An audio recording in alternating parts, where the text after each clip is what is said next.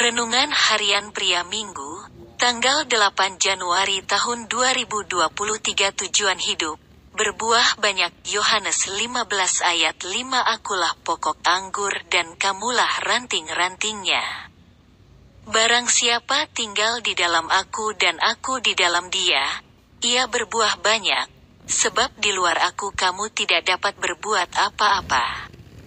Ada baiknya Anda dan saya membaca Yohanes 15 ayat 1 sampai 7 terlebih dahulu. Karena kita akan mendapatkan sebuah perumpamaan dari Yesus yang lengkap. Memang ada beberapa kebenaran yang bisa kita dapatkan dari Yohanes 15 ayat 1 sampai 7 ini. Tetapi kita akan membahas satu saja kebenaran yaitu tujuan hidup orang-orang percaya adalah berbuah banyak. Ada beberapa tingkatan berbuah, yaitu berbuah, lebih banyak berbuah dan berbuah banyak, ayat 2 dan 5. Tuhan berkehendak agar kehidupan kita berbuah banyak bagi kemuliaan nama Tuhan dan menjadi berkat bagi banyak orang. Ada beberapa langkah agar kehidupan kita dapat berbuah banyak.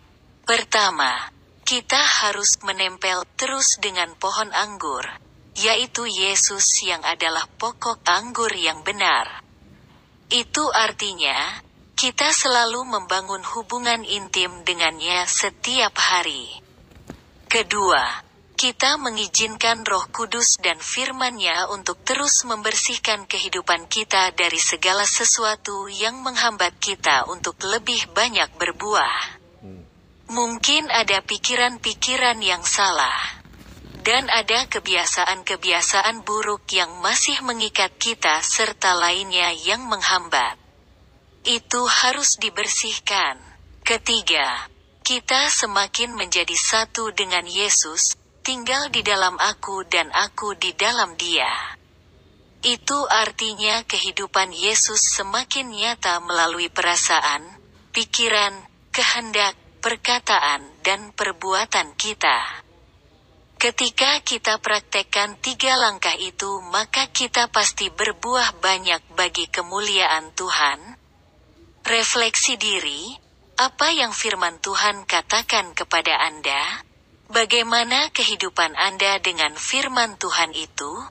Catat komitmen Anda terhadap firman Tuhan itu. Doakan komitmen Anda itu. Pengakuan iman, kehidupan saya semakin berbuah banyak bagi Yesus dan menjadi berkat bagi banyak orang.